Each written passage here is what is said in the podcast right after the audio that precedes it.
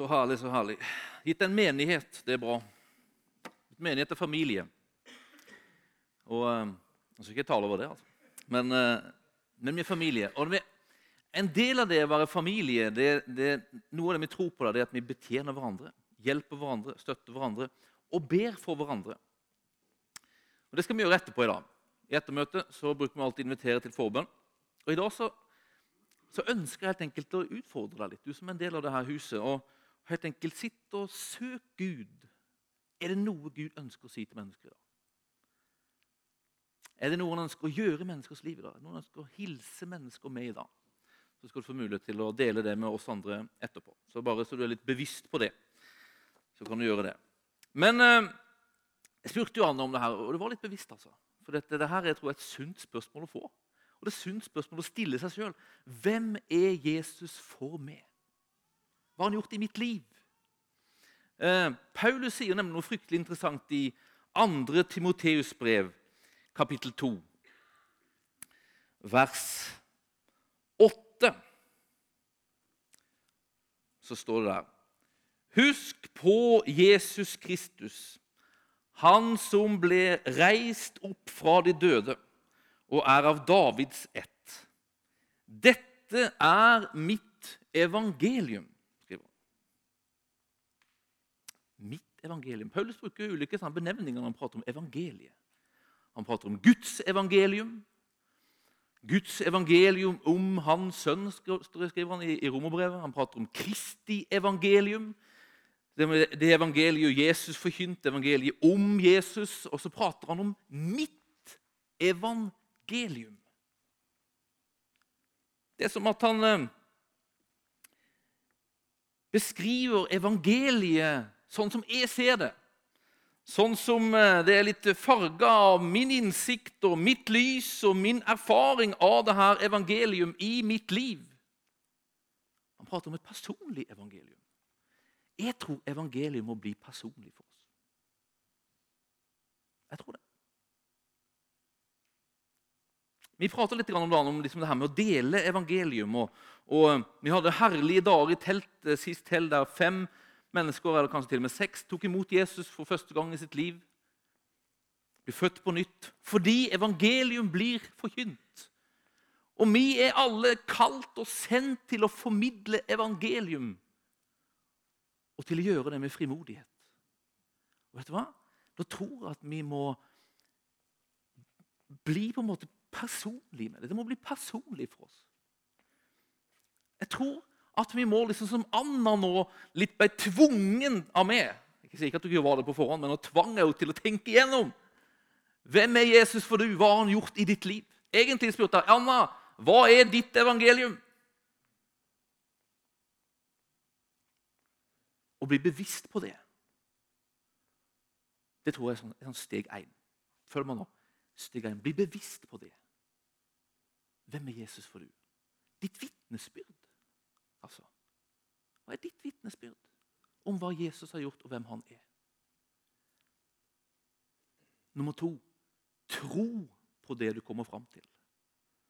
Altså, Ikke tenk at det der er ingenting. Og så begynner man å sammenligne seg med Reinhard Bonke. For eksempel, og sånne ting. Og så, nei, det, er min, det, er min, opplevelse av Jesus og min forståelse av han, den er, den er, så liten at den er ikke verdt noen ting. Det er veldig lett for oss å gjøre det. er det ikke det? Men ha tro på hva Jesus har gjort i ditt liv. Se ikke smått på det Jesus har gjort i ditt liv. Tro på det. Punkt 1. Bli bevisst på det. Tenk igjennom det. Be igjennom det. Hva har Jesus gjort i ditt liv? Tro på det. Vet du hva? Den dagen du begynner å tro på det, innse at Jesus har betydd en forskjell i livet mitt tro at den, det Jesus har gjort i mitt liv, det er verdt å dele med andre, den dagen kommer du til å dele det med andre. Henger dere med, eller? Er dere enige? Hvis du på en måte ikke liksom tenker at det jeg har opplevd med, med Jesus, det er ingenting, da blir du stille. Men det du har opplevd med Jesus, det er et vitnesbyrd som skal fram. Og det er et vitnesbyrd han ønsker å backe opp. Du vet, Det står om Den hellige ånd. Den hellige ånd skal komme over dere. Det er liksom løftet om pinse. der. Den hellige ånd skal komme over dere, og dere skal få kraft til å bli mine vitner. Vitne om evangeliet. Vitne om hvem Jesus er. Så har han lovt at om vi vitner om hvem Jesus er, så skal han backe det opp. Det her, jeg sa litt sist om at Paulus var bra på evangeliet. sa Og vi behøver å bli bra på evangeliet. Dette er å bli bra på evangeliet. Hva er evangelium for meg? Hva har Jesus gjort i mitt liv? Og så tro på det, og så dele det med andre. Det fins en historie i Lukas kapittel 7. Jeg tror jeg var innom den sist gang, om denne kvinna som kommer til fariseeren Simon sitt hus. Som kommer der, og som eh, begynner der å, å, eh, eh, vaske Jesu føtter og, og, med tårene sine. Gråter og så vasker liksom føttene med tårene og heller sånn dyr olje over føttene og tørker de med håret sitt. Og så står det at denne Simon som eide huset, fariseeren, den religiøse lederen, han tar anstøt det og tenker Jesus burde vite hvem denne syndige kvinna er. Hadde han visst det, tenker Simon, så hadde han liksom bare vist henne bort. Og er jo urein. Men da forteller Jesus denne fortellingen. Han sier så her To menn hadde gjeld hos en pengeutlåner. Det står i Lukas 7, 41. Den ene skyldte 500 denar, og den andre 50. Men da de ikke hadde noe å betale med, etterga han de begge gjelda. Hvem av dem vil da holde mest av ham? Simon svarte, den som han etterga mest, tenker jeg. Du har rett, sa Jesus. Så vendte han seg mot kvinnen og sa til Simon, ser du denne kvinna? Jeg kom inn i ditt hus. Du ga meg ikke vann til føttene mine, men hun fukta de med tårer og tørka de med håret sitt. Du ga meg ikke noe velkomstkyss, men helt fra jeg kom, har hun ikke holdt opp med å kysse føttene mine. Du salva ikke hodet mitt med olje, men hun smurte føttene mine med den fineste salve. Derfor sier jeg deg, hennes mange synder er tilgitt. Derfor har hun vist stor kjærlighet. Men den som får lite tilgitt, elsker lite. Så sa han til kvinnen, syndene dine er tilgitt. Da begynte de andre gjestene å spørre seg selv, hvem er han som til og med tilgir synder. Men Jesus sa til kvinna, din tro har frelst deg. Gå i fred. Dette er egentlig en fortelling som, som, som Jesus egentlig forteller liksom, til Simon, nærmest for å forsøke å gi Simon litt sånn selvinnsikt. Altså. For I virkeligheten så er det jo sånn at, at når vi Når vi er på en måte uten Jesus, er vi like mye behov av den tilgivelsen alle mann. Simon var like avhengig av tilgivelse som denne kvinna. Han bare visste det ikke. Kvinna visste det, og fordi hun visste det, anerkjente det, så fikk hun en erfaring av det. Jeg tror at vi behøver å innse at vi er like avhengig av den tilgivelsen alle mann.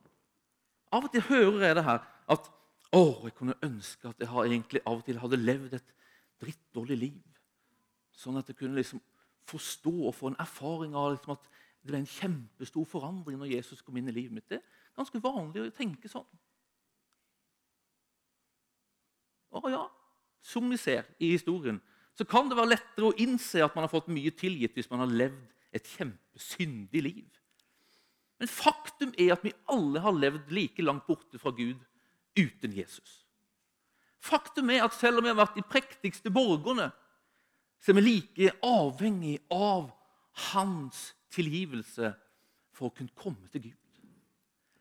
Paulus sier sånn alle har kommet til kort for Guds herlighet. Alle har vi kommet til kort. Og mangler hans herlighet. Alle har vi kommet til kort. Egentlig har alle kommet like langt. kan man si. Alle mennesker kommer like langt. Jeg mener Frode, da. Alle forstår liksom av, av å ha lest Frodes livshistorie. hvis man har lest den. Så forstår man at han behøver masse tilgivelse. Og for Frode tenker man, for Frode er det lett å innse at man har fått mye tilgitt. Altså, altså. Jeg er liksom i samme kategori som Frode. Jeg var liksom ute og levde ordentlig røver i mange år. altså. Så folk så på meg og tenkte akk og ve. Han må få masse tilgivelse. Altså. Han er langt borte. Og, ja. og jeg er også glad for det. altså. Jeg er faktisk litt glad for at jeg liksom har fått den liksom, opplevelsen av et veldig svart-hvitt. Fra et mørke til et lys. Men i virkeligheten så er vi like avhengig av dem. Og Jeg tror vi behøver på en måte å, å, å liksom, takke Gud altså, for at vi har fått tilgivelse ved Jesus. Altså, og be om at vi skal få den innsikten og forstå det. Og så er det faktisk sånn at hvis du sitter liksom og tenker sånn at å, jeg skulle ønske liksom jeg hadde hatt, levd et elendig liv, så jeg kunne liksom få en, virkelig en sånn opplevelse av at jeg var ordentlig tilgitt Så jeg er veldig glad for at det sitter mennesker her som ikke har levd et ordentlig røverliv. Jeg er glad for at det sitter mennesker her som har vært, vært troende hele livet, som ikke engang kan si så her at den og den dagen kom jeg til tro. Den og den dagen kom, gikk jeg fra mørke til lys. Jeg håper på en måte at du, liksom, du, du har gått veien fra mørke til lys og har vært bevisst på at du tror på Jesus og følger ham. Altså, men, men, tenk hvor bra det er at det finnes mennesker her. Tenk hvor bra det er at det finnes mennesker som kan si til tolvåringen sin at du behøver ikke å ut der for å leve et spennende liv. For jeg har levd et liv med Gud gjennom alle år. Et spennende liv, et innholdsrikt liv, et meningsfullt liv, et trygt liv. Jeg har et vitnesbyrd som sier at Gud har vært tryggheten i mitt liv, sånn som Anna sa. Alltid. Jeg kan ikke si det til våre ungdommer. Men Kristine kan si det til våre ungdommer. Hun kan si 'Min Jesus'. Han var trofast gjennom mine tenår. Han holdt når jeg var 13, 14, 15, 16, 17, 18. Han holdt når de lokka med pilsen og alt hva de lokka med. Jeg kan ikke si det. Kristine kan si det. Frode kan ikke si det. Men andre kan si det. Vi behøver ditt vitnesbyrd. Vi behøver ditt personlige vitnesbyrd. Det er ikke noen rangordning her. Gud har gjort et mektig verk i hver eneste ens liv. Bare be om å få øynene åpna, så at du ser det. Selv om du har levd trofast gjennom hele livet og trodd, følt han, så har du fått masse tilgitt. altså. Du har fått like mye tilgitt som denne kvinna i den historien. La oss ikke være som Simon, som ikke ser det. Som ikke ser det. La oss innse og takke Han, så at vi innser at vi er avhengig av Han for det fellesskapet vi har med Han, for det evige livet vi har fått ta imot av Han, for det verket som Han gjorde for oss på Golgata kors. At vi er like avhengig av det, alle mann. Be om å få bli bevisst. Sett deg ned og skriv. Takk Gud for alt han har gjort i ditt liv. Takk Jesus for det han betyr for du. Så at du blir bevisst på det. Så at du blir bevisst på det. Han ønsker å skape i oss et vitnesbyrd om evangeliet i våre liv, evangeliet for oss, evangeliet ifølge oss.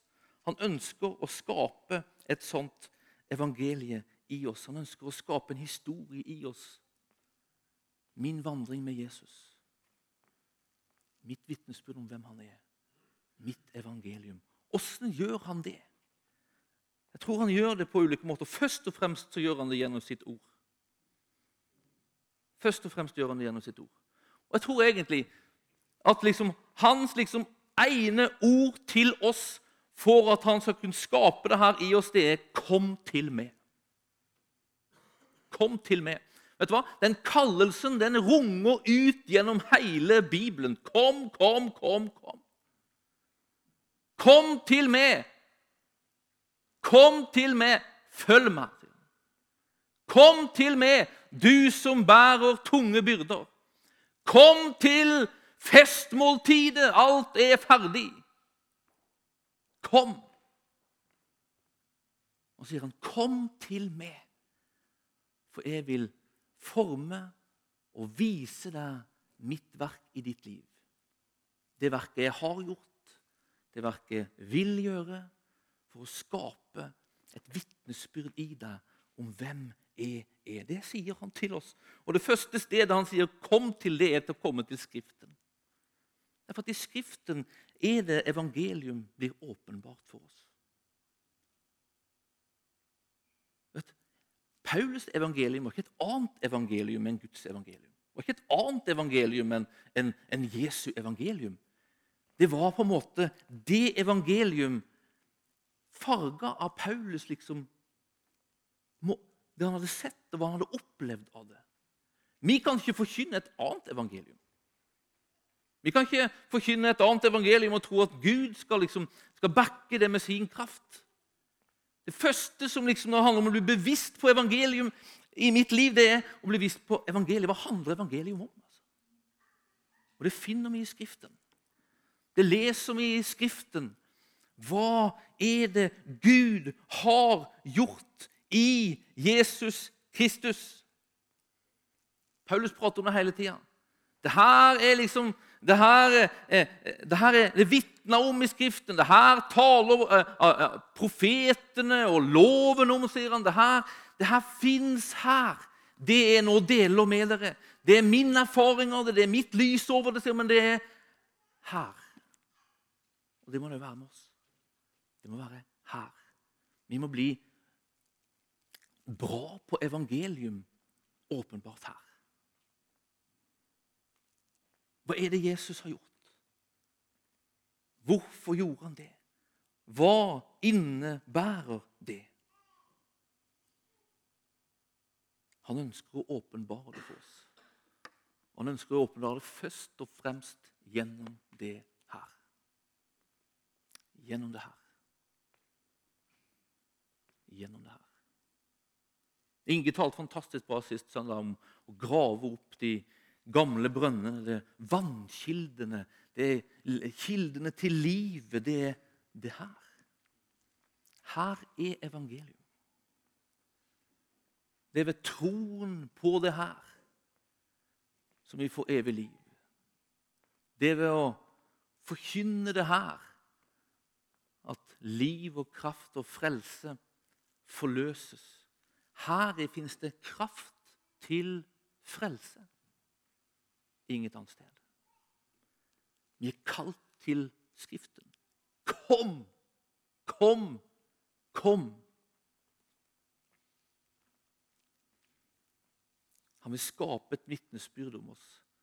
Først ved å tale til oss, levendegjøre for oss evangelium i bibelordet.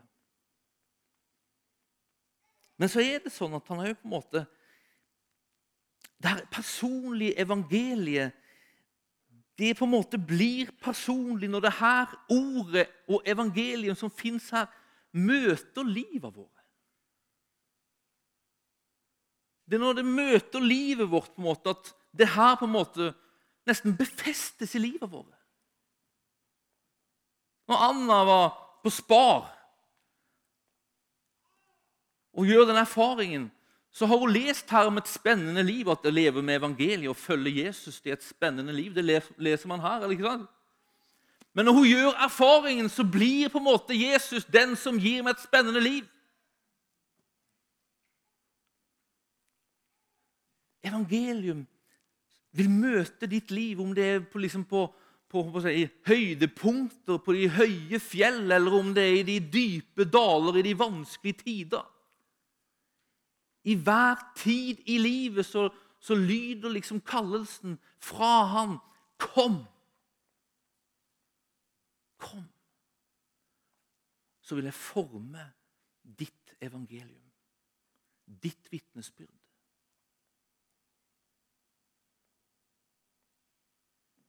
Høye fjell.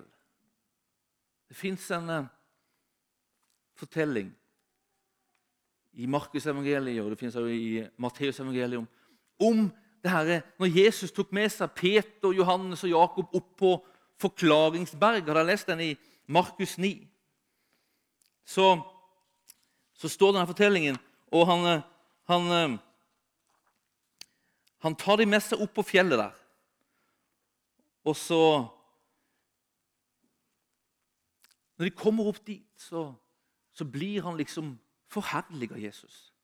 Og så viser, viser Jesus seg liksom i sånn, sånn, sånn lysskinn sammen med Elia og Moses, to kjente gammeltestamentlige profeter. Og Der står jo Peter, Jakob og Johannes, så man kan bare tenke seg på en måte hva de tenker. Dette er et voldsom opplevelse, altså. De ser Jesus herliggjort foran seg. Og så hører de stemme, en stemme fra himmelen, og Gud taler og sier, 'Dette er min sønn. Hør ham.' Jesus blir forherliget foran øynene de sine. Det gjør et voldsomt inntrykk. Et voldsomt inntrykk. Et gudsmøte kan gjøre et voldsomt inntrykk. Vet du hva? Det inntrykket som Peter bærer med seg, det preger Peter resten av hans liv. Vi ser det ut fra det han skriver i nye testamentet, at det her preger han. Det her er en del av, av hans liksom, bilde av Jesus, hvem han forkynner at Jesus er. Jeg tror at han har det her liksom i bakhodet når han og Johannes de, de går opp til, mot tempelet. vet du, De står i Apostlenes gjerninger 3. Han og Johannes går opp til tempelet. Der står det en, en lam mann eller han sitter, en lam mann og tigger. Og Så sier de sølv eller gull, det har jeg ikke. Men det jeg har, sier Peter, det gir jeg deg. I Jesu Kristi Nazarenes navn, stå opp og gå. Jesus, Guds sønn. Dette er min sønn. Hør ham. Den kraften som fins i Sønnen, har blitt åpenbart for Peter. Han forkynner det frimodig, for han har sett det, han har tatt på det, han har hørt det. Det er interessant denne Johannes beskriver hvordan de, han sier i 1. Johannes brev 1 sier han, vi forkynner det vi har sett, hørt og tatt på. Vitnesbyrde. Vitnesbyrde. Gud ønsker å, å, møte oss, gi oss sånne opplevelser da det er holdt på å si, herlig. Altså. Der vi får bønnesvar, og vi møter Gud og alt sånt der. For at det skal prege oss og prege vårt liksom, bilde av Han. Hvem er Han for oss? Jeg fortalte dere om min liksom, episode på Eidehavn. Det var en sånn forklaringsbergopplevelse i mitt liv. Og det fins flere. Når jeg fikk Theodor, min sønn, så var det sånn der bare, Wow! Altså. Gud er god. altså. Vi kalte han for gudegave. Theodor betyr gudegave. Og jeg så i han en gave fra Gud. Altså. Hans godhet. Vet du hva? Det fins sånne episoder i ditt liv. Det fins sånne episoder i ditt liv. Hvis du ber over det, tenker over det og tilskriver han det Jakob sier så her at alt det gode vi får, står i den svenske oversettelsen. den. Alt det gode vi får, kommer ifra oven. Jakobs brev 1,17. Han er alt godhetskilde. Tilskriv han da alt godt. Når du begynner å takke for alt det gode i ditt liv, takke han for det, så begynner du å se hans handling i ditt liv. Og Så begynner du å se hans trofasthet, så begynner du å se hans godhet, så begynner du å se hans kraft. Og så blir det på en måte personlig. Han har gjort det i mitt liv. Og så skal du tro på det. Tro på det til du blir frimodig med det. Det er høylandet, det er de høye fjellene, det er åpenbaringsstedene. Det er plassen der det, der det er herlig. Men livet er ikke bare herlig. Livet er jo dype daler. Livet kan være som en ørken. Livet kan være som en ørken der alt er tørt, der Gud oppleves som han er langt borte. Der bønnesvaret uteblir. Der du ber og du ber og ser ikke noe forskjell. Der motløsheten banker på. Håpløsheten. Ørkenen er til og med liksom stedet der ting dør. Ting kan dø i livet vårt. Ting kan gå helt i stykker i livet vårt. Men kallelsen fra Gud er da òg i de tidene Kom. Kom og bli her. Kom og bli her. Det er fryktelig lett at vi stikker når ting blir vanskelig. Det er fryktelig lett at vi gir opp når ting blir vanskelig. Det er fryktelig lett at vi søker andre veier, løsninger, når ting er vanskelige. Men kallelsen fra himmelen er 'Kom og bli her'. Bli her til jeg kommer. Vet du hva, Det skjer noe nemlig i ørkentider. De gamle fedrene fedrene. Ørkenfedrene kaltes de. Det var sånne gamle, gamle, fromme menn. De sa det. Ingen åndelig vekst skjer i ditt liv uten en ørkenperiode først. Det er noe i det. altså. Kommer du gjennom en ørkenperiode Jakob prater om det. Peter prater om det. Prater om det. Prøvninger, sier han. Gled dere over det, sier han. For det kan gjøre deg sterk. Det kan gjøre deg sterk hvis du blir hos ham. Hvis du blir hos ham. For han kommer nemlig. Han kommer nemlig. Jeg har noen sånne ørkenperioder, men den lengste, største ørkenperioden i mitt og Sandras liv der jeg fortalte om, det var da vi venta på Theodor. Og det var lang tid. Tre år. Og Vi hadde planer om mange alternativer. og sånne her, og og la planer uten barn og alt sånt. der. Men Sandra spesielt, hun bare holdt fast. Jeg vet ikke hvor mange ganger Jeg tror hun sa aldri noe. Men jeg vet at hun var sugen på bare å være hjemme fra gudstjeneste. Hun var sugen på bare liksom gi opp. Og det er masse spørsmål. Hva, hvorfor, Gud? Hvor er du? Hva er det her? Men hun bestemte seg at hun skulle gå på gudstjeneste. Og så sant vi kunne, var vi der. Og Omtrent hver søndag i tre år så satt hun og grein i hvert eneste ettermøte. Der hun ga smerten sin til Gud. Og jeg tror hun ga minst like mye spørsmål til Gud. altså, altså. Men hun blei. Hun blei. Og hun kom igjennom. Og egentlig så kom hun nesten igjennom før Theodor kom. Jeg husker en dag så sa hun Vidar Nå vet jeg. Nå kan jeg si at selv om ikke får noen barn, så vet jeg at Gud er god. I ørkenen så viser Gud at han er der. Og jeg tror altså det er noe som dør i ørkenen. Og alt som dør, er ikke dårlig. I ørkenen så, så, så var det som at prioriteringsordningen for Sandra endra seg. Altså, Man kan si det her at han er mitt alt, og han er den jeg vil leve for. det her, det her lovsangen vi synger 'Jeg vil gi deg alt', som alle synger. Sånn. Jeg spør meg alltid hver gang vil jeg det. altså, Er vi virkelig der? Jeg er ikke sikker på hvor mye jeg er der. Men ørkenen kan ta deg ett steg nærmere. For Sandra gjorde det. altså. Ett steg nærmere. Den delen av dette jordiske for barn, det var ikke lenger viktigere enn han. Ting prøves i ørkenen. Troen prøves. Prioriteringene prøves. Men kallelsen er 'kom og bli'.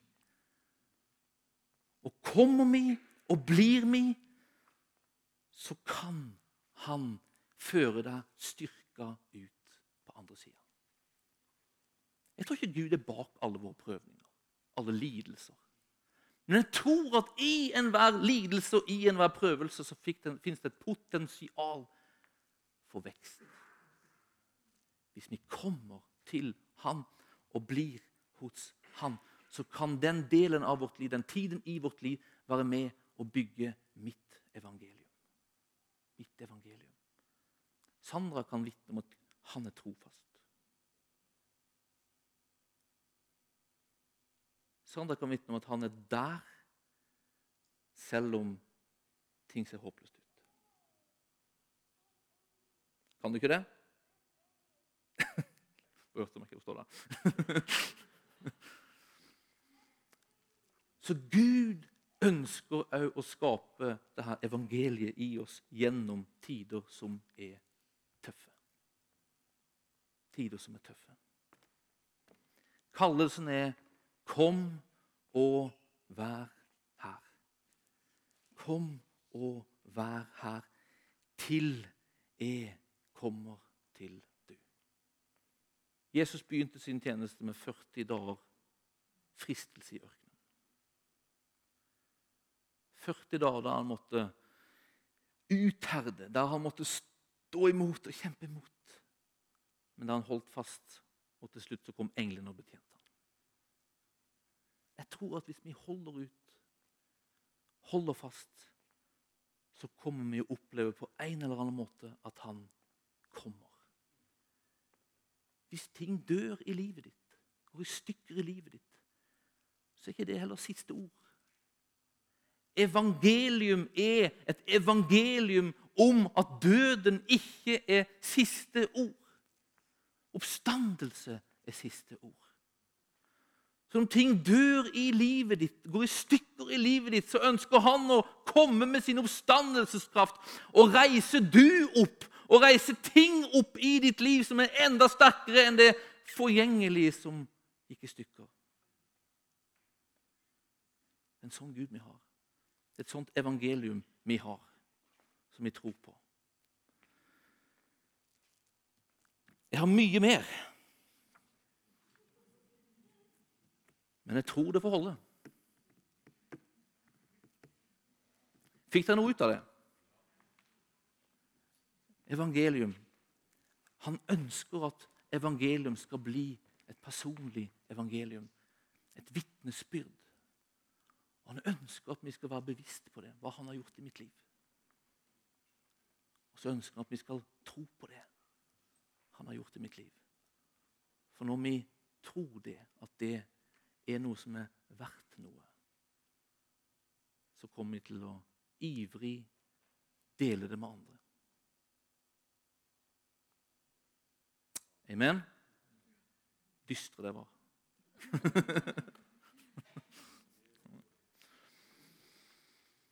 Han ønsker et solid verk i livet våre. Han ønsker å skape vitner. Fylle dem med sin kraft og sende oss ut og dele vitnesbyrd med andre. Amen.